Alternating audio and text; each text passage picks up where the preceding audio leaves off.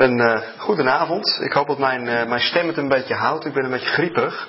Dus zo af en toe zal ik wat hoesten en zo en proesten. Maar trek er gewoon niet zo heel veel van aan. Daarna ga ik gewoon weer verder. Uh, Israël in het vernieuwde bedrijf. Dat is eigenlijk een beetje een rare titel natuurlijk. Sowieso bedrijf. We hebben het als een soort uh, bedrijf opgezet, de Romeinenbrief. Ja, in drie avonden de hele Romeinenbrief door. Dat kan ook helemaal niet natuurlijk, dat is onmogelijk. Ik ken wel uh, gemeentes, dat doen ze drie avonden over twee versen. Dus dit is natuurlijk helemaal onmogelijk wat wij doen in drie avonden. Daarom licht ik er steeds wat dingen uit en ik probeer de grote lijn wat, wat, wat weer te geven. Uh, we hebben gezien die eerste avond, wat, wat Peter al zei, hebben we gekeken van nou, hoe zit het nou met ons, kleine mensjes? en hebben we gezien dat mensen van niet-Joodse kom af, heidenen in de Bijbel genoemd, die komen tekort en die redden het niet. Maar mensen van Joodse kom af, van Gods eigen volk, zijn oogappel, via de wet, komen ook tekort, redden het ook niet. En wat gaat Paulus dan neerzetten in Romeinen 3? Uh, eh, eigenlijk zegt hij van ja jongens, de hele mensheid staat eigenlijk met lege handen bij de Heere God. We redden het niet uit onszelf. Dat is het fantastische failliet. Uh, vandaar failliet. En uh, wat is dan de doorstad? Ten diepste de komst van Jezus. De Heer Jezus die als de tweede Adam de eerste Adam thuis gaat brengen. Dat is de hele Bijbelse lijn, eigenlijk vanaf Romeinen 3 tot en met Romeinen 8 aan toe. Het, de thuiskomst van de mensheid. En daar hebben we de, die thuiskomst, daar hebben we de vorige keer uitgebreid bij stilgestaan bij de vorige avond. Maar dan zou je je af kunnen vragen, en dat is natuurlijk een heikel punt, van ja, maar waar, waar past Israël dan nog in dat plaatje? En in de loop van de kerkgeschiedenis is, is dat wel op allerlei manieren beantwoord. Onder andere door te zeggen van ja, Israël hoort er eigenlijk niet meer bij. Want we hebben als kerk die plek eigenlijk overgenomen van Israël. Uh, en ja, Romeinen 5 tot en met 8. Dat is het centrale, of Romeinen 1 tot en met 8. Daar legt Paulus uit wat het christelijk geloof inhoudt. Wordt dan soms gezegd, Romeinen 9 tot 11, ja, dat is een persoonlijke hobby van Paulus. Want ja, hij was tenslotte een Jood.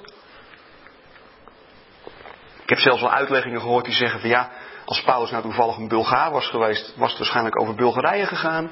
Of als hij een Belg was geweest, had hij Romeinen 9 tot 11 over België geschreven. Dus gewoon een persoonlijke voetnoot van Paulus. Dus eigenlijk van secundair belang, niet zo belangrijk. Maar daarna, in Romeinen, vanaf Romeinen 12, wordt het allemaal praktisch. En dan gaat hij uitleggen hoe je nu praktisch christen bent. Dus, zo wordt er soms gezegd, bijna schamper, Romein 9 tot 11 kun je eigenlijk rustig overslaan, dan mis je niks. Uh, nou, dat vind ik zeer ten onrechte. En ik hoop vanavond dat als we het met elkaar hebben, deze avond hebben beleefd, dat u uh, op een wat ander spoor terecht bent gekomen. Uh, nog even. nu er naar de doorstad sprake is van een vernieuwd bedrijf met een andere huishouding, lijkt de rol van Israël uitgespeeld. Afgedaan, niet meer nodig. God heeft immers een ander volk uit de heidenen voor ogen. Wij, de gelovigen in Christus, zijn nu de uitverkorenen. Zo werkt nu helemaal uitverkiezing volgens Romeinen 9. Maar is dat zo? Hoe zit het met Israël in Gods gedachten? En hoe zal het gaan met Israël in de, en de wereld in zijn plan? Vragen die Paulus beantwoordt in Romeinen 9 tot en met 11. Mijn voorstel is dat we eerst eens het een en ander gaan lezen met elkaar, even op ons in laten werken. Maar eerst Romeinen 9 is rustig met elkaar lezen. Uh, ik heb het even op de, op, op de gezet. Ja, nu snel. Ik spreek de waarheid in Christus. Uh, Paulus is hier uiteraard aan het woord. Ik lieg niet. Want mijn geweten betuigt mij dit mede door de Heilige Geest. Ik heb een grote smart en een voortdurend hartzeer. Want zelf zou ik wel wensen van Christus verbannen te zijn, ten behoeve van mijn broeders, mijn verwanten naar het vlees. Immers, zij zijn Israëlieten. Hunner is de aanneming tot zonen en de heerlijkheid en de verbonden en de wetgeving en de eredienst en de beloften. Hunner zijn de vaderen en uit hen is, wat het vlees betreft, de Christus, die is boven alles God te prijzen tot in eeuwigheid. Amen. Maar het is niet mogelijk dat het woord Gods zou vervallen zijn. Want niet allen die van Israël afstammen, zijn Israël. En ze zijn ook niet alle kinderen, omdat zij nageslacht van Abraham zijn. Maar door Isaac zal men van nageslacht van u spreken. Dat wil zeggen, niet de kinderen van het vlees zijn kinderen Gods, maar de kinderen der belofte gelden voor nageslacht. We lezen even heel Romeinen 9 achter elkaar door, om even het grote verband in uw hoofd te zien. Want er ligt een belofte in dit woord. Omstreeks deze tijd zal ik komen en Sarah zal een zoon hebben. Maar dit niet alleen, daar is ook Rebecca, bevrucht van één man, onze vader Isaac. Want toen de kinderen nog niet geboren waren en goed nog kwaad hadden gedaan, opdat het verkiezend voornemen God zou blijven, niet op grond van werken, maar op grond daarvan dat hij riep, werd tot haar gezegd, de oudste zal de jongste dienstbaar zijn. Gelijk geschreven staat, Jacob heb ik lief gehad, maar Esau heb ik gehaat. Wat zullen wij dan zeggen? Zou er onrechtvaardigheid zijn bij God? Volstrekt niet. Want hij zegt tot Mozes, over wie ik mij ontferm, zal ik mij ontfermen. En jegens wie ik barmhartig ben, zal ik barmhartig zijn. Het hangt dus niet daarvan af of iemand wil, dan wel of iemand loopt, maar van God die zich ontfermt. Want het schriftwoord zegt tot Farao, daartoe heb ik u doen opstaan, opdat ik, opdat ik in u mijn kracht zou tonen en mijn naam verbreid zou worden over de gehele aarde. Hij ontfermt zich dus over wie hij wil en hij verhardt wie hij wil. Gij zult nu tot mij zeggen, wat heeft hij dan nog aan te merken? Want wie wederstaat zijn wil? Maar gij, o mens, wie zijt gij dat gij God zou tegenspreken? Zal het geboetseerde soms tot zijn boetseerde zeggen, waarom hebt gij mij zo gemaakt? Of heeft de pottenbakker niet de vrije beschikking over het leem, om uit dezelfde klomp het ene voorwerp te vervaardigen tot eervol, het andere tot alledaags gebruik? En als God nu zijn toren willende tonen en zijn kracht bekendmaken, de voorwerpen des torens die ten verderven toebereid waren, met veel langmoedigheid verdragen heeft. Juist om de rijkdom zijner heerlijkheid bekend te maken over de voorwerpen van ontferming, die hij tot heerlijkheid heeft voorbereid. En dat zijn wij, die hij geroepen heeft. Niet alleen uit de Joden, maar ook uit de heidenen. Gelijk hij ook bij Hosea zegt, ik zal niet mijn volk noemen mijn volk en de niet geliefde geliefde.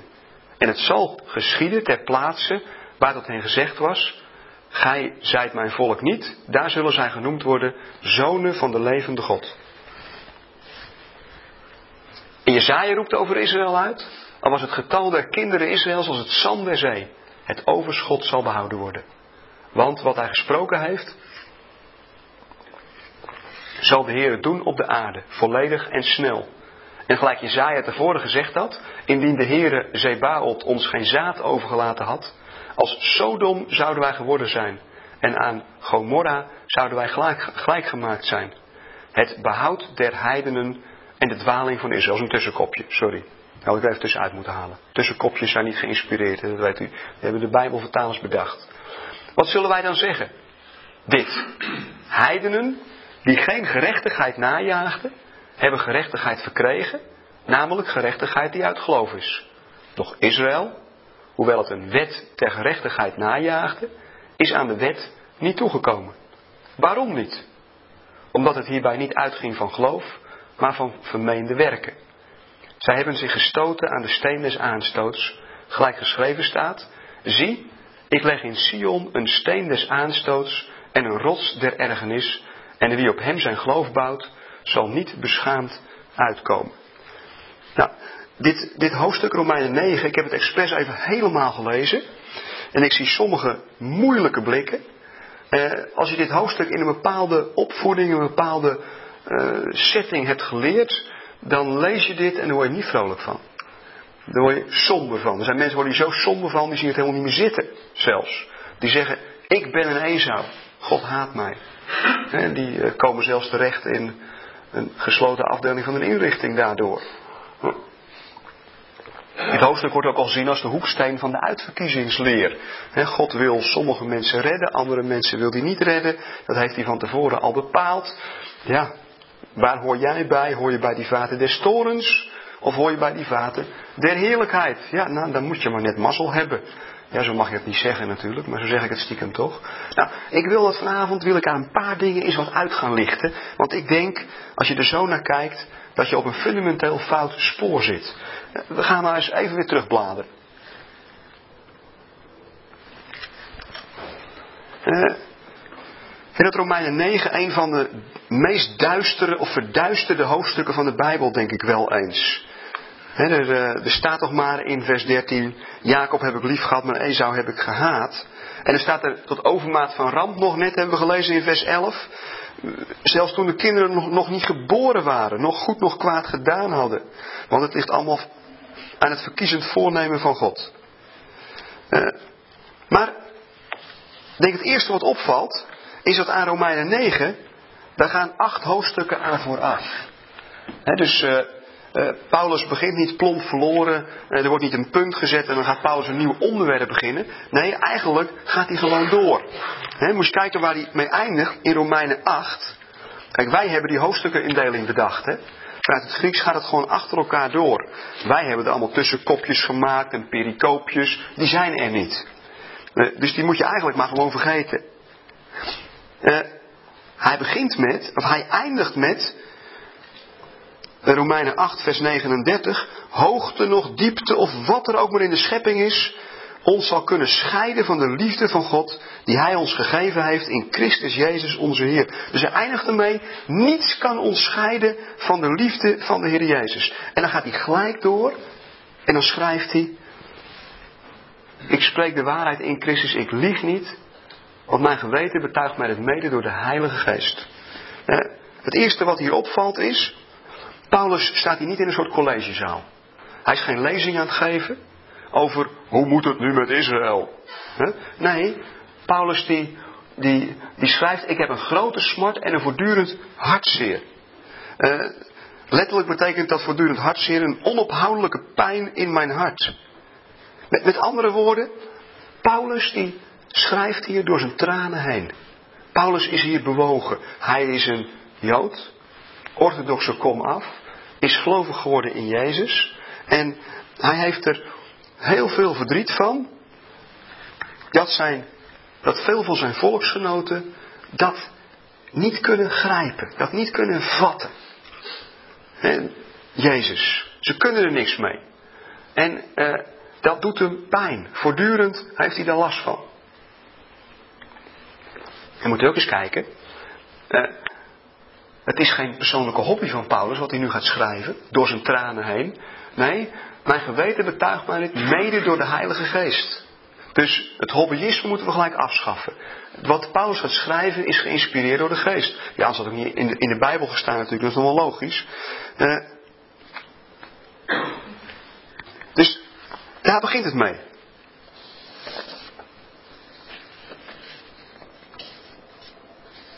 Trouwens, Romeinen 9 staat natuurlijk niet op zichzelf. Hè? Ik heb nu alleen Romeinen 9 gelezen. Maar uh, het, het, eindigt natuurlijk in Romeinen 11. Uh, eh, dit gedeelte waarin hij het heel speciaal heeft over uh, hoe moet het nou met mijn volksgenoten, hoe zit dat daar nu mee? Het eindigt natuurlijk heel prachtig in Romeinen 11, waar staat hoe onuitputtelijk, vers 33, zijn Gods rijkdom, wijsheid, kennis hoe ondoorgrondelijk zijn oordelen en hoe onbegrijpelijk zijn wegen. Wie kent de gedachten van de Heer? Wie was ooit zijn raadsman? Wie heeft hem iets gegeven dat door hem moest worden terugbetaald? Dan vers 36. Alles is uit hem ontstaan. Alles is door hem geschapen. Alles heeft in hem zijn doel. Hem komt de eer toe tot in eeuwigheid. Dus alles vindt zijn doel in hem. En in vers 32 had hij al gezegd, want God heeft ieder mens uitgeleverd aan de ongehoorzaamheid, opdat hij voor ieder mens barmhartig kan zijn. Het is ongehoorzaamheid en barmhartigheid, die horen bij elkaar. Dat is al een sleutel. Dus hij eindigt, of Paulus begint hier met, met een gebed, met voorbeden vanuit zijn hart, door zijn tranen heen, en hij eindigt met een lofprijzing. En ik denk wel eens, als je begint met een gebed en je eindigt met een lofprijzing, ja, dan kan het daartussenin natuurlijk nooit fout gaan. Dan kan het nooit slecht aflopen. dus, uh, nou wat, wat gaat Paulus nu in, in deze verse eigenlijk proberen aan te tonen? Eerst gaat hij in, wat is nou de betekenis van de geschiedenis van Israël? Dan gaat Paulus nadenken over, wat is nou de kracht van de belofte? Als God dingen belooft, wat is dat waard dan? Wat is Gods belofte waard? Want daar hebben we het in diepste over, hè? Wat is Gods belofte? Wat is zijn woord waard?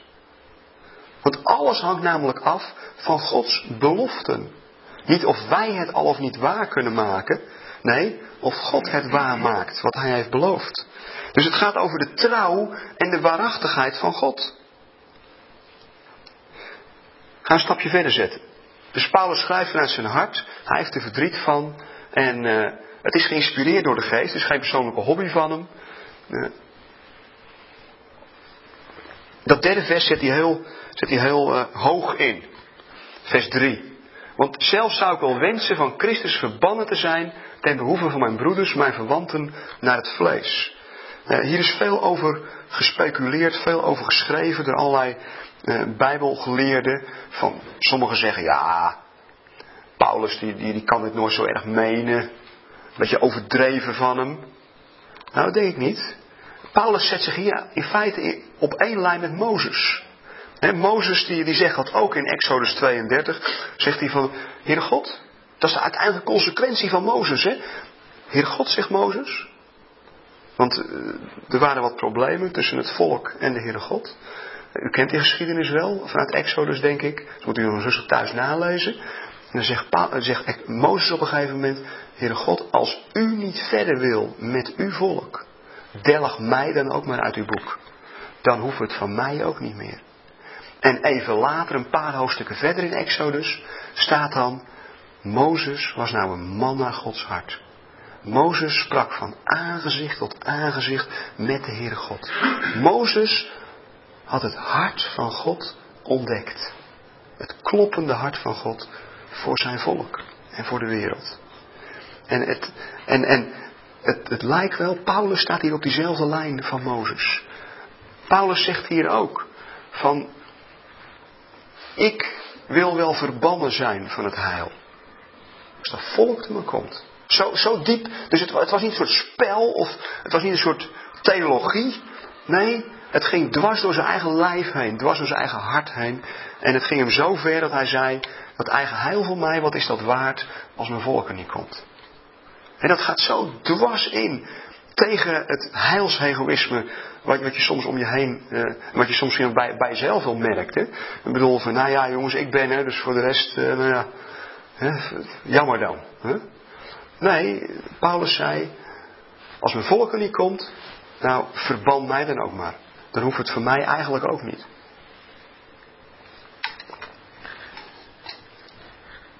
Paulus, een man naar Gods hart.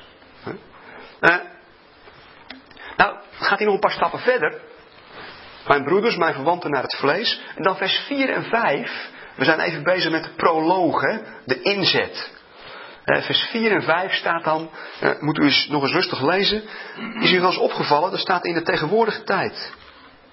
Dat in de tegenwoordige tijd. Hier heeft Paulus het over het grootste deel van het volk Israël op dat moment, wat de Messias verwierp. Wat het niet zag zitten, eh, die zelfs vijanden werden van het, van het evangelie, zal later Paulus in Romeinen 11 zeggen. En soms is dat nog steeds letterlijk waar. Ik uh, heel wat jaren bij de NEM gewerkt en dan hou ik natuurlijk heel goed bij wat er allemaal in Israël gebeurt. Nu hou ik wat iets minder intensief bij. En nu ben ik weer aan het lesgeven over Europese oorlogen, vanaf Napoleon tot en met de Eerste Wereldoorlog. En je moet wat om je, om je brood te verdienen. Hè? En wat praatjes verkopen aan die leerlingen. Maar goed, maar wat mij toen wel eens opviel, is dat het soms letterlijk uitkomt. Hè? Eh, ze zijn naar het evangelie vijanden om uwentwil.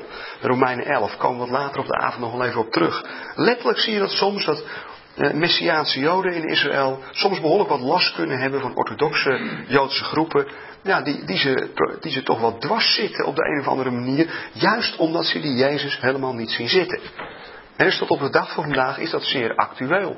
Maar wat, wat, wat zet Paulus hier dan neer? Bijna, ik zou bijna zeggen, tegen allerlei theologieën in, zet hij het in de tegenwoordige tijd neer. Dus het, het volk Israël, wat de Messias niet heeft geaccepteerd, uh, zij zijn Israëlieten. Niet zij waren Israëlieten, ze zijn Israëlieten. Hunner is de aanneming tot zonen. En de heerlijkheid, en de verbonden, en de wetgeving, en de eredienst, en de belofte. Dat is allemaal tegenwoordige tijd. Dat geldt nog steeds. Dat is nooit afgeschaft en het wordt ook nooit afgeschaft.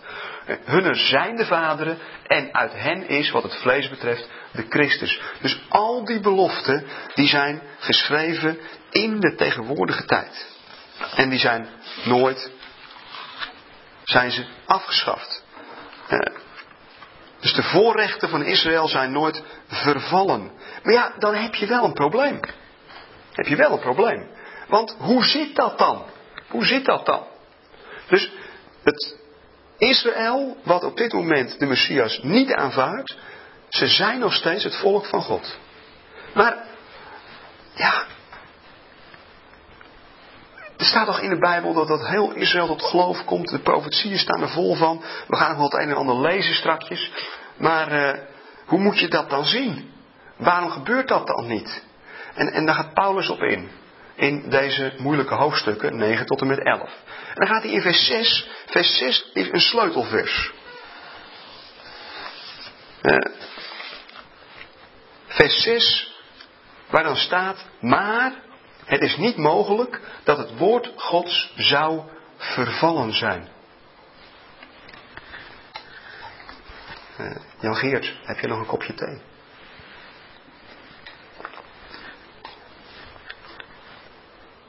Uh, je kunt dit, uh, ja, je moet dit lezen zoals het woord Gods is vervallen. het is niet over de datum heen. Het is niet uitgevallen. Het is niet eh, alsof je een koelkast open doet en uh, je bent een paar weken op vakantie geweest. Je doet de koelkast open en oeps, alles is ruim over de datum, de schimmel staat erop. En, nou, dat kun je van het woord van God nooit zeggen. Het is niet over de datum heen, dus dat is geen oplossing. Je kunt niet zeggen, ja, al die beloften in het Oude Testament, dat is het Oude Testament, joh. we leven nu in het Nieuwe Testament, dus het Oude Testament, nou dat moet je maar. Uh, nee, nee. Als God wat zegt, is het God die wat zegt. Er is geen Oud Testament en Nieuw Testament, er is, er is het woord van God. En dat, dat woord van God valt niet uit. Dat is niet over de datum heen. Staat hier. Dus, ja, wat dan? Wat dan?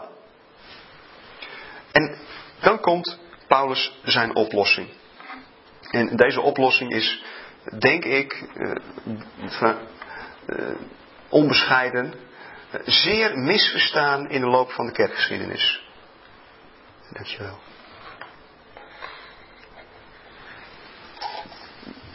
Hij zegt dan, want niet allen die van Israël afstammen, zijn Israël. Wat bedoel je, Paulus? Wat bedoel je dan? En ze zijn ook niet alle kinderen, omdat ze een nageslag van Abraham zijn. Maar door Isaac zal men van nageslag van u spreken. Dat wil zeggen, niet de kinderen van het vlees zijn kinderen Gods, maar de kinderen der beloften gelden voor nageslacht. Hoe is dit, uh, hoe is dit uitgelegd? Nou, weet je, de meeste mensen die denken dat ze van Israël afstammen, die denken dat wel, maar die stammen er helemaal niet vanaf. Dat hele ongelovige Israël, dat is helemaal geen Israël. Dat is nooit Israël geweest. Dat dachten ze wel, maar ze waren er niet. Want wie zijn dan wel echt Israël? Nou, de kinderen van de belofte. Oftewel, alleen dat deel wat wel gelooft in de Heer Jezus. Dat is het echte Israël. Samen met ons vormen we het echte Israël. Dus dat is altijd in Gods gedachten geweest. En ja, dat valt wel een beetje tegen natuurlijk als je verwacht dat heel Israël behouden wordt. Ja, sorry. Kan er ook niks aan doen. Zo, zo wordt dit vaak uitgelegd. Tot op de dag van vandaag hoor. Tot op de dag van vandaag. Uh, maar ik denk dat je dan gedachtegoed van Paulus geen recht doet. Maar ook vooral niet dat je God geen recht doet. Want je maakt zijn belofte namelijk waardeloos. Ja, ik zeg het maar even heel zwart-wit. Maar al die beloften over geheel Israël, nou, die kun je als wc-papier gebruiken, want dat slaat helemaal nergens meer op. Want Paulus zou hier dan een, een draai gaan maken, die in de hele Bijbel niet tegenkomt. Dat gaat Paulus nu even openbaren. Van jongens, God heeft jullie al die tijd gefopt. Hij heeft al die tijd gezegd, hij heeft het over heel Israël gehad, hij heeft die nooit echt bedoeld. Dat is ook wat. Nee, hoe, kun je het dan wel lezen? Want het is wel een probleem.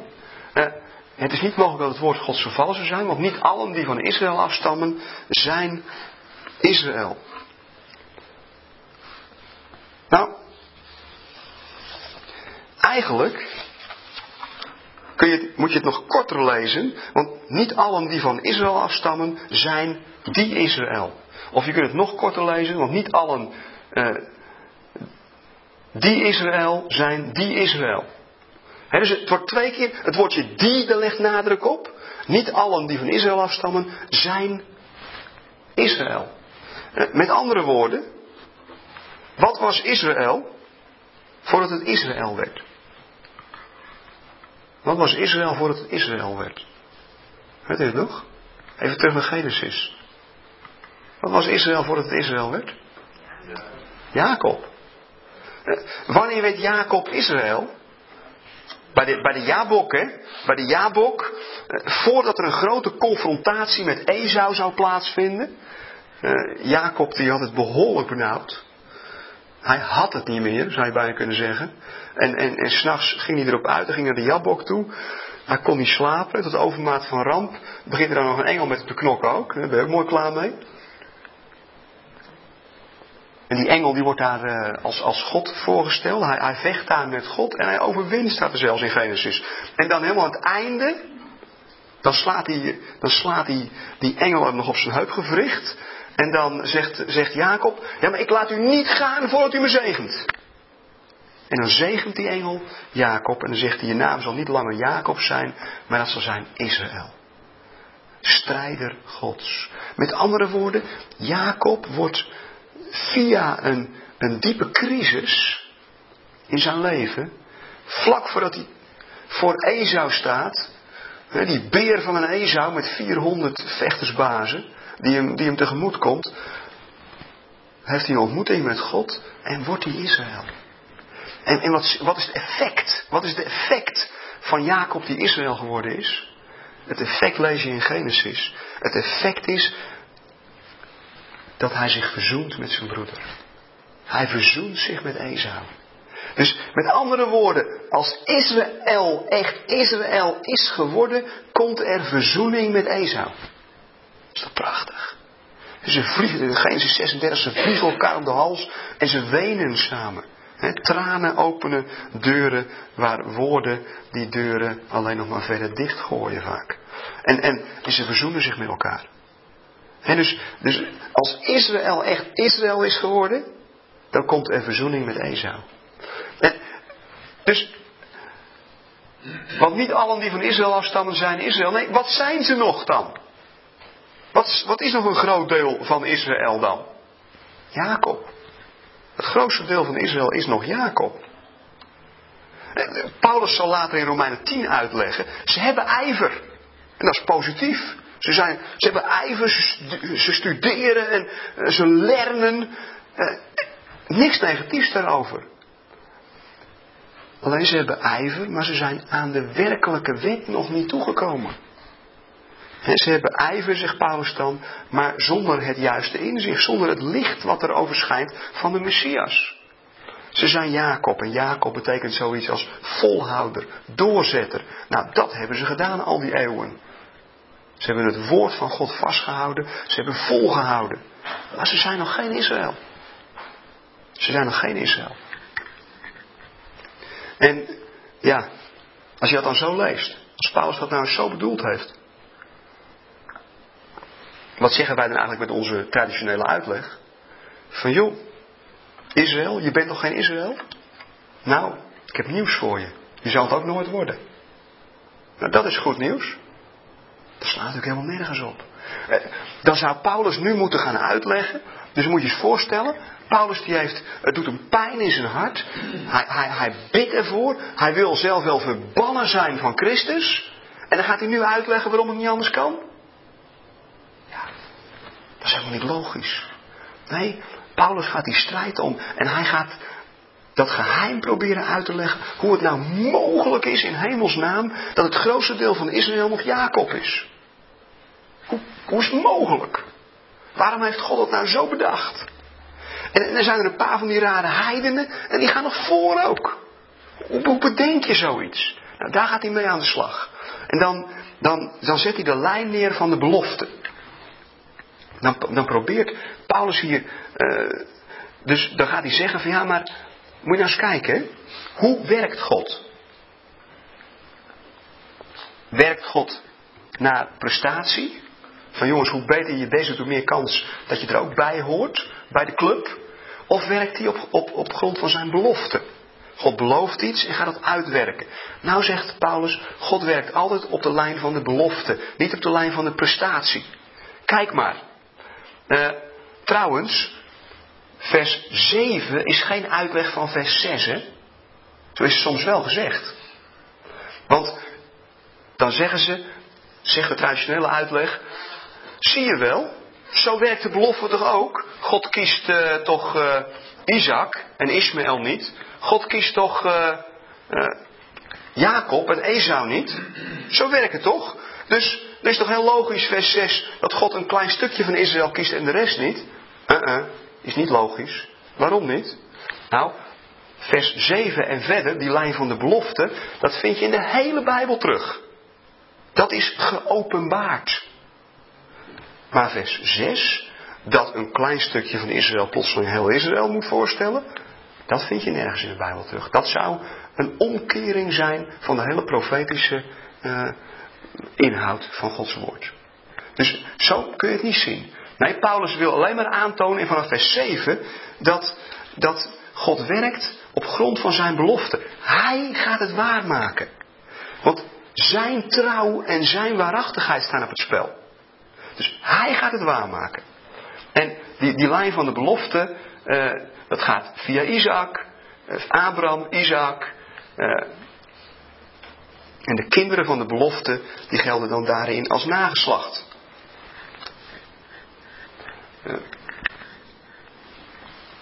En bij deze uitverkiezing, natuurlijk is er uitverkiezing, hè? dat is duidelijk. maar deze uitverkiezing die is altijd inclusief. Met andere woorden, in de hele Bijbel vind je dat zodra Jacob Israël is geworden, komt de verzoening met Esau. Heb je dat gezien in Genesis, heb je net over verteld. Je ziet hetzelfde bij Isaac. Isaac en Ismaël, uh, die gaan later samen hun vader begraven. En dan zie je heel, heel kostbaar, zie je dan, je zou er bijna overheen lezen, dat als ze bij de begrafenis aankomen, dan mag Isaac eerst. Ismaël laat Isaac voorgaan. En met andere woorden, Ismaël vindt zijn zegen bij Isaac. Esau vindt zijn zegen bij Jacob. En zo vinden de volkeren uiteindelijk hun zegen bij Israël. Zullen we straks nog zien in Romeinen 11. die volkeren komen pas werkelijk tot hun bestemming als Israël weer Israël is geworden en niet eerder. Voor die tijd blijven wij als gemeente ja, als eerstelingen op deze planeet die aarde heet. Die volkeren, die komen pas als Israël tot zijn bestemming is gekomen. Niet eerder. Waarom niet dan? Moeten we dan harder evangeliseren? Nee, zo heeft God het bedoeld. En, en zo zit het in zijn plan. Uh, we zijn eerstelingen met elkaar. Uh, hoe, hoe zit uitverkiezing in elkaar? Nou staat er in vers 12. De oudste zal de jongste dienstbaar zijn. Het gaat om dienstbaarheid. Het gaat om uh, hoe sta je in het leven. De ander dienstbaar zijn. He? Uh, tot zegen zijn van de ander. Maar ja, er staat het maar mooi in vers 13. Gelijk geschreven staat, Jacob heb ik lief gehad, maar Esau heb ik gehaat. Nou, dit vers daar is heel veel over geschreven. En dat is eigenlijk een avondvullend programma op zichzelf. Dus ik denk als je, als je dat gaat lezen, dat dat een veel logischere verklaring is dan de verklaring die ons tegenkomt van God haat Esau. Nou, voordat hij geboren was had hij een hekel aan die knul. Hij kon niet uitstaan. ja, dan wordt God wel eng. Als ik heel eerlijk ben, gewoon even persoonlijk. Hè? Dan vind ik God wel eng worden als je dat zo zou moeten gaan uitleggen. Maar ik zie geen enkele reden om dat zo te moeten uitleggen. Eh, trouwens, vers 13 wordt ook verklaard vanuit vers 12. Wat wordt er bedoeld? De oudste, Jacob heb ik gehaald, zal de jongste dienstbaar zijn. Oftewel, God draait de volgorde om. De jongste die zal de leiding nemen en de oudste moet de jongste dienstbaar zijn. Oftewel, Jacob komt op de eerste plaats en Esau komt op de tweede plaats. dus uh, haten en liefhebben uh, hebben volgens mij niet zoveel te maken als dat God een hekel heeft aan Esau en dat God alleen van Jacob houdt. Maar met God zet Jacob op de eerste plaats en hij zet Esau op de tweede plaats. En die stoere Esau, die moet uiteindelijk zijn zegen vinden in Jacob. En dat is ook weer typisch, typisch de Heere God. Altijd neemt hij de zwakkere. En met die zwakkere, daar gaat hij zijn kracht uh, in manifesteren. En, en die zwakkere, ja, de sterkere, die moet dan bij de zwakkere aankloppen. En zo zegt uh, Paulus ook over ons, dat wij, uh, als je echt sterk wil zijn, zegt Paulus, dan moet je zwak zijn. En, en dan ben je, pas echt sterk. Dat is eigenlijk het goddelijke geheim. En dat zie je hierin terug. Nou, dit wilde ik eerst uh, gewoon even wat, wat, wat neerzetten. Nu, nu, uh, nu is het verleidelijk om al die versen nu verder door te nemen. Nou, nog, nog eentje, nog eentje. Uh, dus hij heeft het hier over, zou er onrechtvaardigheid zijn bij God? Volstrekt niet. En dan vers 15, dat is ook zo'n vers wat nog eens uit de context wordt gehaald. Want hij zegt tot Mozes, over wie ik mij ontferm, zal ik mij ontfermen. En jegens wie ik barmhartig ben, zal ik barmhartig zijn. Weet je wat zo mooi is? Er wordt hier helemaal niet gesproken over uh, verharding of over verwerping. Alleen maar over ontferming.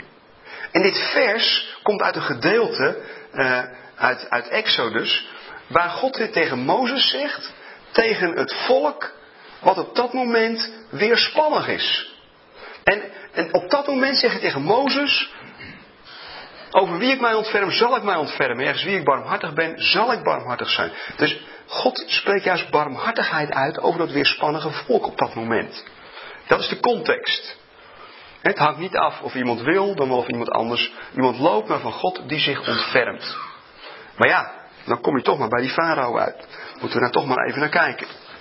De farao.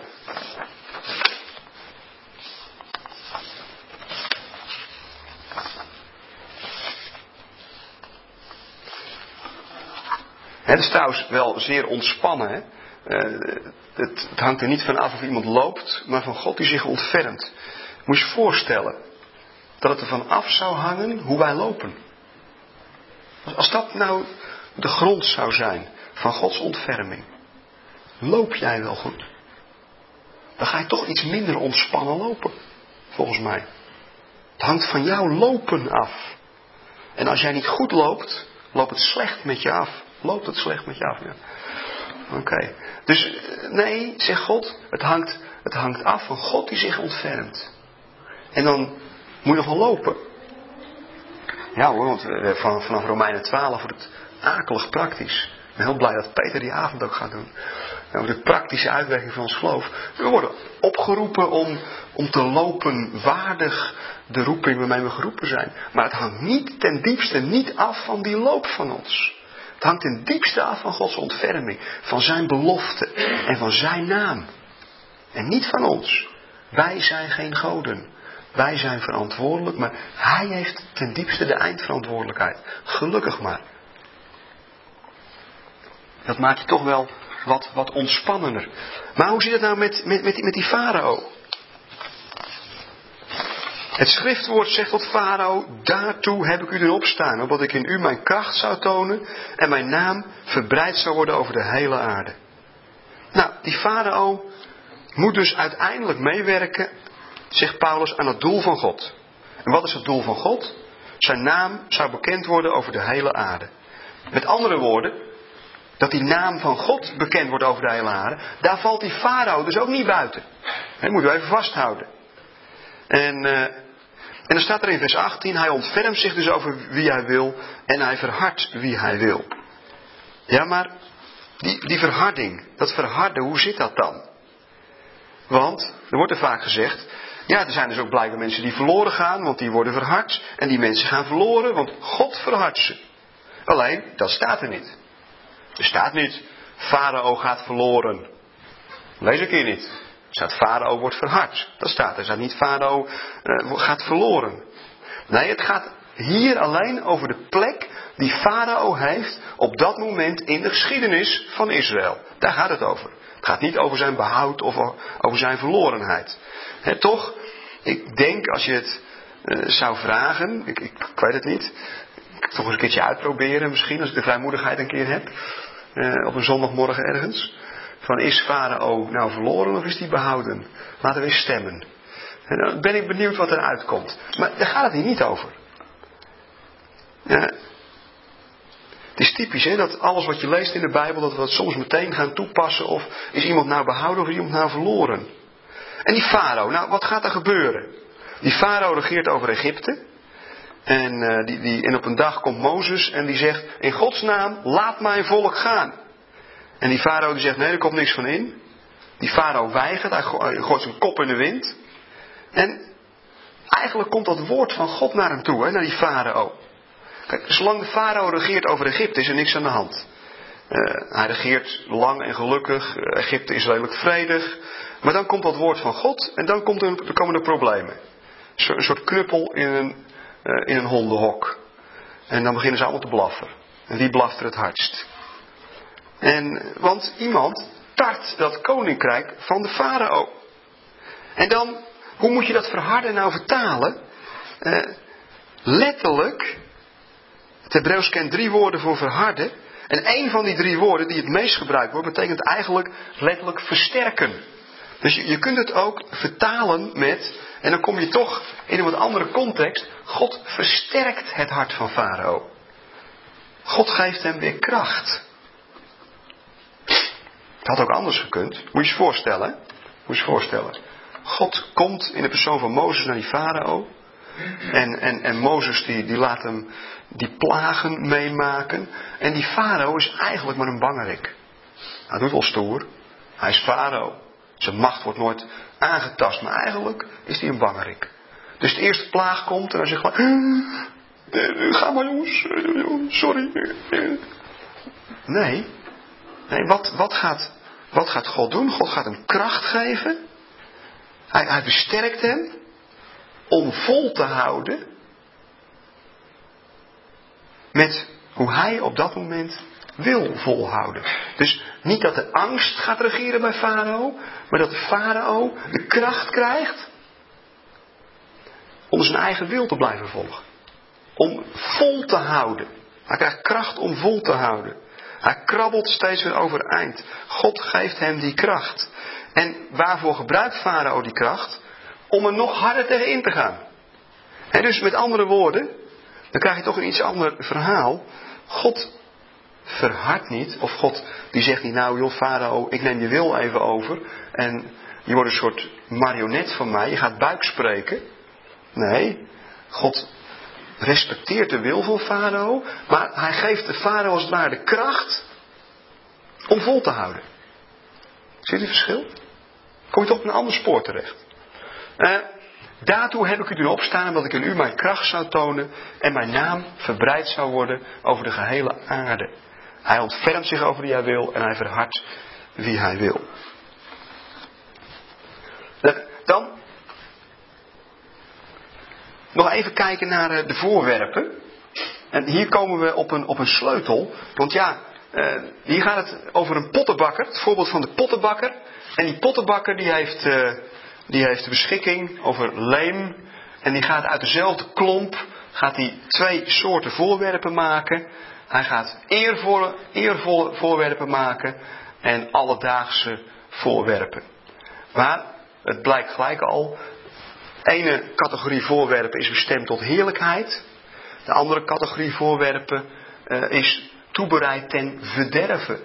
Ja, nou ja, hier zit je dus wel helemaal fout, toch? Met die farao kom je er nog uit. Oké, hebben we nog gered. Maar hoe zit dit dan? Uh, hier hebben we het weer over uitverkiezing.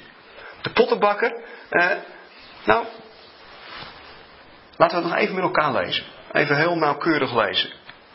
Uh, maar gij, o mens, wie zijt gij dat gij God zou tegenspreken? Zal het geboetseerde soms tot zijn boetseerde zeggen: Waarom hebt gij mij zo gemaakt? Of heeft de pottenbakker niet de vrije beschikking over het leem om uit dezelfde klomp het ene voorwerp te vervaardigen tot eervol, het andere tot alledaags gebruik? En als God nu zijn toren willende tonen en zijn kracht bekendmaken, de voorwerpen des torens die ten verderven toebereid waren, met veel langmoedigheid verdragen heeft. Juist om de rijkdom zijn heerlijkheid bekend te maken over de voorwerpen van ontferming, die hij tot heerlijkheid heeft voorbereid. Eh, de voorwerpen van de toren, wie, wie zijn dat nou in Romeinen 9? Nou, dat, zijn, dat is eigenlijk dat deel van Israël wat de Messias heeft verworpen. Die worden hier nu voorgesteld als voorwerpen van toren. Dat lees je ook in het vervolg van Romeinen 9. En wie zijn dan de voorwerpen van de heerlijkheid? Nou, dat zijn, dat zijn die heidenen die tot geloof gekomen zijn in Jezus, samen met de Joden die tot geloof gekomen zijn in Jezus. Heb je dan toch die tweedeling? Moet je even opletten, als het gaat over die vaten des torens, dan staat er, even een detail, uh, hij heeft ze, vers 22, met veel langmoedigheid, met veel ontferming, heel liefdevol, heeft hij ze, en dan is het hier negatief vertaald met verdragen, maar dat moet je eigenlijk vertalen met gedragen. Want het is eigenlijk positief wat hier staat. Dus moet je eens voorstellen, God draagt die vaten des torens, draagt hij heel liefdevol, draagt hij die, uh, en oké, ze zijn ten verderven toebereid, maar hij draagt ze heel liefdevol. Maar wie zijn nu, vers 23, wie zijn nu die vaten van de heerlijkheid? Dat, dat zijn wij, heidenen. Uh, maar wat waren wij dan eerst? Waren wij altijd al vaten van de heerlijkheid? Wat waren wij eerst? Of waren we eerst wat anders? Dat, dit is een sleutel. Ja. Moet u eens kijken in Efeze hoofdstuk 2. En nou is het in de MBV-vertaling net weer wat anders vertaald hoor, maar de, de gedachte komt op hetzelfde neer. Efeze 2, daar wordt wat verteld over ons heidenen, niet Joden. Uh, wat was nu onze uh, ja, positie? Er staat, Efeze 2 vers 1, u was dood door de misstappen en zonden waarmee u de weg ging van de God van deze wereld. De heerser over de machten in de lucht, de geest die nu werkzaam is in hen die God ongehoorzaam zijn. Net als zij lieten ook wij ons, wij alle ons eens beheersen door onze wereldse begeerten. Wij volgden alle zelfzuchtige verlangens en gedachten die in ons opkwamen en stonden van nature bloot aan Gods toren, net als ieder ander. Met andere woorden, wat waren wij nu als gelovig uit de heidenen voordat we vaten van de heerlijkheid werden? Efeze 2. Wij waren eerst vaten des torens. Met andere woorden, die vaten des torens die wij eerst waren, de situatie is nu omgedraaid, wij zijn nu vaten van heerlijkheid geworden. Dat is apart. Dus, dus kennelijk is dit geen gefixeerde situatie in een soort eeuwigheidstoestand, altijd duren. Nee, dit is geen gefixeerde situatie. Dit werkt naar hier werkt het werkt naar een doel toe. Met andere woorden, een groot deel van Israël is nu, uh, zijn nu vaten des torens. Wij zijn vaten van de heerlijkheid geworden. Maar dat is geen gefixeerde, altijd durende situatie. Dat gaat weer veranderen. En daar gaat Paulus met name in, uh, in hoofdstuk 11 gaat hij daarop in. Dus het is, Romeinen 9 moet je ook doorlezen tot en met het einde van Romeinen 11 aan toe. Anders kom je tot allerlei enge gedachten. Romeinen 11, daar stelt Paulus zich ook direct de vraag. Ik vraag dan God, heeft zijn volk toch niet verstoten? Zijn volk, hij heeft het weer over Juist dat deel van Israël waarvan het lijkt of het verstoten is. En als je Romeinen 9 fout zou uitleggen, moet je al lang geconcludeerd hebben dat het verstoten is. Dus dan is het eigenlijk een hele domme vraag van Paulus. Want Paulus heeft toch net uitgelegd in Romeinen 9? Nou, nee dus. Eh, volstrekt niet. Ik ben immers een Israëliet. Zelf een Israëliet uit het nageslacht van Abraham, van de stam Benjamin. God heeft zijn volk niet verstoten dat hij tevoren gekend heeft. En dan uh, uh, vers. Uh, even kijken hoor. Hier, gaat Paulus weer in op het, op het raadsel van de verharding. Want God heeft zijn volk niet verstoten, maar ja, een groot deel is wel verhard. vers 7. Wat dan? Hetgeen Israël najaagt, heeft het niet verkregen. Maar het uitverkoren deel heeft het verkregen. En de overigen zijn verhard. En die verharding, nou dat lijkt weer vrij definitief als je dit leest. God gaf u een geest van diepe slaap, ogen om niet te zien, oren om niet te horen, tot de dag van heden. Dit vind je trouwens ook in het evangelie terug. Als, als de joden komen en Jezus legt wat uit en ze snappen het niet, dan, dan reageert Jezus soms ook zo. Van nou, met, met, met deze profetie uit Jezaja. En David zegt, hun tafel wordt tot een strik en een net en tot een aanstoot en vergelding voor hen. Laten hun ogen verduizend worden zodat ze niet zien en doe hun rug voorgoed zich krommen. Nou, hier zou je weer denken, nou Paulus, wat maak je ons nou? Dit lijkt weer behoorlijk definitief. Hoe zit het dan met, met vers 1? Nee hoor, het is helemaal niet definitief. Want zo spreken de profetieën namelijk steeds. Als je de profetieën kent, dan zie je steeds daar keiharde uitspraken van straf, van oordeel. Net zoals hier. Dat is profetentaal. En als je dan verder leest, komt er weer ontferming. En dan gaat God herstellen. Dan gaat hij weer opbouwen.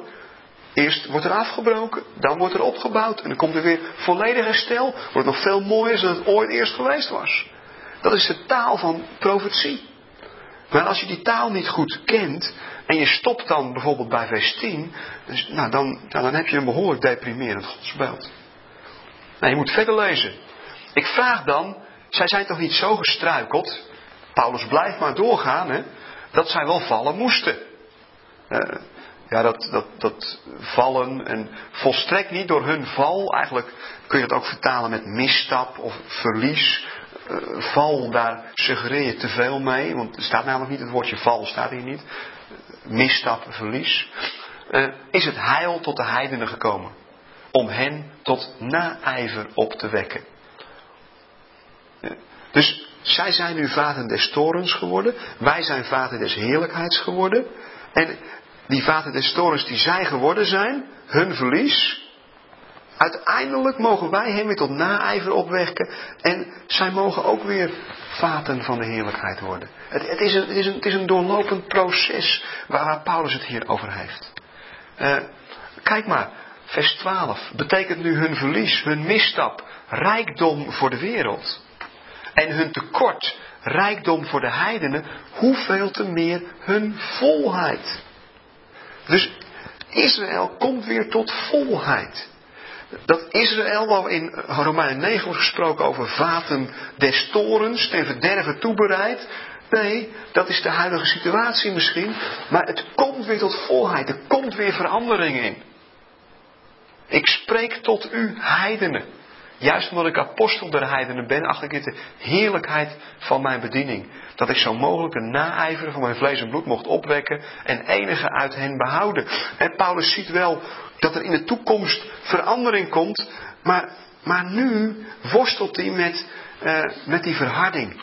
En, en nu, ziet hij, nu hoopt hij maar dat er op dit moment enige uh, weer toegevoegd zullen worden. Want vers 15 komt weer een vergezicht.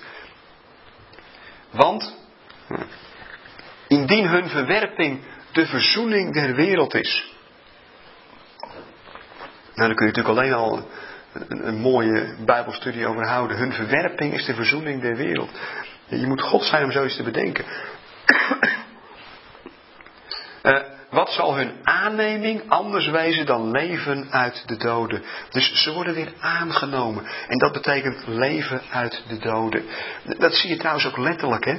Want wat zal er gaan gebeuren als, als Israël weer als volk van God wordt aangenomen? De kinderen van het verbond. Eh, nou, lees Psalm 87 eens. Omwille van de tijd zou ik het niet allemaal gaan doen. Maar wat lees je? Als, als, als, als Israël weer die plek heeft en, en Jeruzalem de Godstad is zoals die bedoeld is, dan, dan zullen de volkeren worden ingeschreven in, dat vernieuwde Jeruzalem. Ragab, Egypte, Babel, de Filistijnen. Eh, al die landen staat er letterlijk, ze zullen worden ingeschreven en ze zullen samen met de dochter van Jeruzalem, zullen een rijdans gaan houden.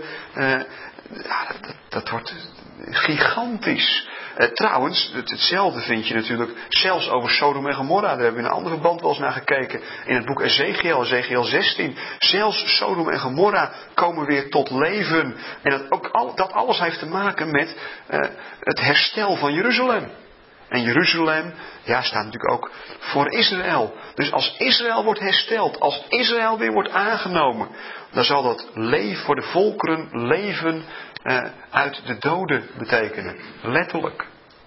Uh, Christus is tenslotte Heer over levenden en doden. Voor ons is de dood misschien een grens, maar voor de Heere God natuurlijk niet. Zijn de eerstelingen heilig, dan ook het deeg. Hey, dit is oerbijbels, hè? Als, als, als God er één heeft, heeft hij ze allemaal. Die eerstelingen zijn heilig, die zijn apart gezet. Maar dan komt dat hele deeg er ook. Dat kan niet anders. Want die eerstelingen, daar, daar, daar zit dat zaadkracht in voor de hele oogst. Is de wortel heilig dan ook de takken? Indien nu enkele van de takken weggebroken zijn en gij als wilde lood daartussen geënt zijt en aan de saprijke wortel van de olijf deel hebt gekregen, beroem u dan niet tegen de takken. Even tussen haakjes, hè. Eh, de olijfboom, Israël, de saprijke wortels, de aartsvaders, eh, dat woord van God. Eh, is u wel eens opgevallen dat die takken die weggebroken zijn vanwege hun ongeloof, hè, dat is dat, dat deel van Israël wat op dit moment een tekort heeft, om het zo maar eens te noemen. Dat, is u wel eens opgevallen dat, dat, het, dat het wel takken blijven? Het blijven wel takken van de boom. Ze zijn weggebroken, ze liggen misschien op de grond, maar het zijn nog steeds takken. Ze houden niet op takken te zijn. Dat klopt ook, want ja, hunner is de aanneming tot zoon. Hunner is, is, is tegenwoordige tijd. Maar het zijn wel takken. En uh, nou, wat, wat zie je natuurlijk? Uh, wat, waar maakt Paulus zich hier hard voor? Tegen de hoogmoed van die heidense Romeinse christenen. Het zat in, in hun cultuur al opgesloten. Uh, zeer veel vooroordelen tegen Joden. Uh, die rare Joden met hun Shabbat en besnijdenis en voedselwet. En daar snapten ze allemaal niks van. Ging dwars in tegen de Romeinse cultuur met de verheerlijking van het lichaam. Uh, en die Romeinse christenen namen die vooroordelen mee in hun christen zijn. En Paulus probeert daar hier een dam tegen op te werpen. Beroem u dan niet tegen de takken. Indien gij u tegen beroemt, niet gij draagt de wortel, maar de wortel draagt u.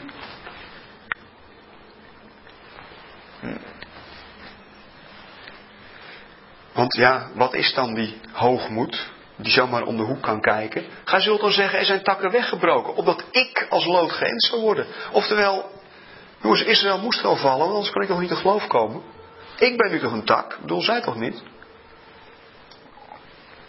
Als we maar moeten gaan geloven. Zeer hoogmoedig. Goed, zij zijn om hun ongeloof weggebroken. En gij staat door het geloof. Wees niet hoogmoedig, maar vrees. Want indien God de natuurlijke takken niet gespaard heeft, zal hij ook u niet sparen. Let dan op de goede tierenheid Gods en zijn gestrengheid. Over de gevallenen gestrengheid. dat de vaten des torens ten verderven toebereid. Eh, toren, orde. Met een doel. Met een doel. Uh, over uw goede tierenheid Gods. Indien gij bij de goede tierenheid blijft, anders zult ook gij weggekapt worden. En je kunt je natuurlijk heel voorzichtig afvragen, na 2000 jaar kerkgeschiedenis. Die zeg ik maar heel zachtjes hoor.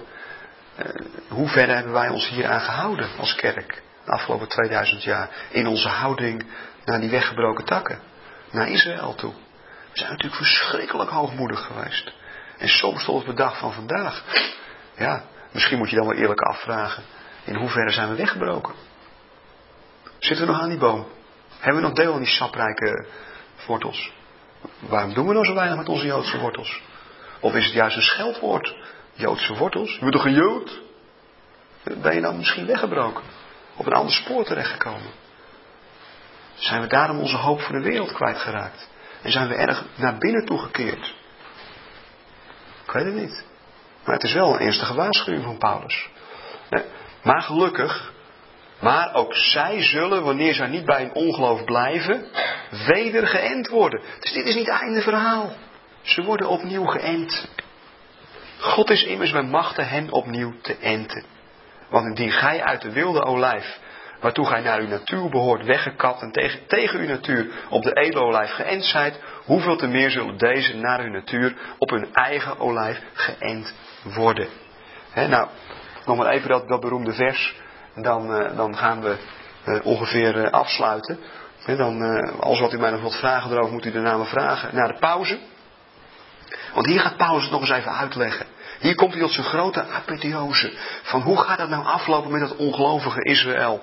Uh, die afgebroken takken. Komen ze inderdaad dan weer het geloof? Zullen ze weer geënt worden? Wat zal dan het effect zijn als dat gebeurt? Nou, dat hebben we al gezien. Leven uit de doden.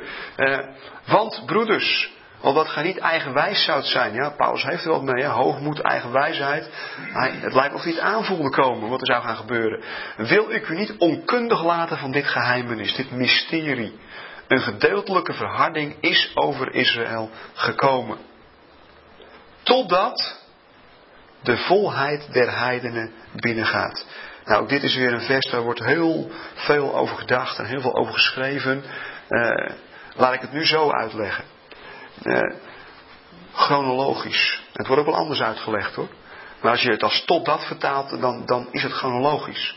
Uh, er is op een bepaald moment, is die gemeente van de eerstelingen, de volheid der heidenen, is vol. En als dat zover is, wat gaat er dan gebeuren? Dan zitten we weer op een scharnier in het heilshandelen van God. nou, dat is pas de eerste keer, dat valt eigenlijk mee. Dan zitten we weer op een scharnier in het heilshandelen van God. En wat gaat er nou gebeuren als die gemeente uit Jood en Heiden vol is? Dan staat er in vers 26, en al dus zal gans Israël behouden worden. Gelijk geschreven staat, de verlosser zal uit Sion komen. Hij zal goddeloosheden van Jacob afwenden. En dit is mijn verbond met hen, wanneer ik hun zonde wegneem. Ze zijn naar het evangelie vijanden om uwentwil, naar de verkiezing zijn zij geliefden om der vaderen wil. Want de genadegave en de roeping Gods zijn onberouwelijk. Dus het ligt allemaal vast in die belofte van God. Zijn woord is nooit uitgevallen of weggevallen of helemaal niet. Nee, hij staat er borg voor. En op een bepaald moment in de geschiedenis van deze planeet aarde zal gans Israël behouden worden. En op een of andere manier doen wij daar ook aan mee. Wij zijn ze voorgegaan. Uh, maar, maar, maar, zij komen, uh, zij zullen behouden worden. En wat heeft dat dan voor effect op de wereld? Verzoening van de wereld, leven uit de doden, volkeren eh, die zich zullen gaan buigen voor de Heer Jezus, die Hem zullen gaan beleiden. En in vers 30 eh, vat eh, Paulus het nog eens even kort samen, een soort eindconclusie. Want evenals gij eertijds aan God ongehoorzaamheid waart, we waren vaten des torens, Efeze 2, maar nu ontferming hebt gevonden door hun ongehoorzaamheid, we zijn nu vaten van heerlijkheid geworden, Romeinen 9. Zo zijn ook deze nu ongehoorzaam geworden. Ze zijn vaten des torens geworden, Romeinen 9. Is het een vaste situatie? Nee, lees maar. Opdat door de u betoonde ontferming ook zij thans ontferming zouden vinden. Ze worden weer vaten der heerlijkheid. Romeinen 11, vers 25. Ze worden weer aangenomen. Leven uit de doden. Verzoening voor de wereld. Want God heeft hen allen onder ongehoorzaamheid besloten om zich over hen allen te ontfermen. hier hebben we eigenlijk het hele plan van God in een notendop. Dit is eigenlijk een beetje de eindconclusie na elf, na, elf hoofdstukken Romeinen. Uh, hen allen en hen allen. Uh, Karel Bart schrijft ergens in zijn commentaar Romeinenbrief. Als je Romeinen 11 vers 32 niet begrijpt, heb je nog niets van het evangelie begrepen. Ja, Karel Bart mag zoiets zeggen, uh, zei hij. Uh, want, want, want hier heb je het eigenlijk in een notendop. Als je kijkt naar, naar de mensheid, in Romeinen 5 ging het over Adam en Christus, nu over de heidenen en Israël. Natuurlijk, een sleutel is geloof, maar het, het einddoel staat vast. Het is zijn ontferming, het is zijn naam, het is zijn besluit en hij leidt ons daarin tot dat geloof. God heeft hen allen onder ongehoorzaamheid besloten. Waarom dan? Ja, dat is moeilijk genoeg, hè? Waarom moet dat nu zo? Ja, dan zegt Paulus van joh, je bent, ja, je bent toch leem. Dus je kunt je boetseerder niet ter verantwoording roepen. Heere God, dat had u anders moeten doen. Ik had een beter plan gehad. Ja, zo werkt dat niet. He, maar eh, het is, Paulus komt wel onder de indruk van het plan. Want het is zo'n geweldig plan. Dwars door die diepte heen. Die diepte van ongehoorzaamheid. Die heel diep gaat hoor. Want eh, ik, ik denk soms wel eens van Heer God, waarom laat u het zo ver komen? Waarom laat u uw naam zo belasteren overal? Door het slijk halen. Belachelijk maken. Ongehoorzaamheid. Maar het doel uiteindelijk, ongehoorzaamheid besloten, om zich over hen allen te ontfermen. En dan in vers 36, ja, daar komt alles weer terug natuurlijk. Want uit hem en door hem en tot hem zijn alle dingen. Hem zij de heerlijkheid tot in eeuwigheid. Amen.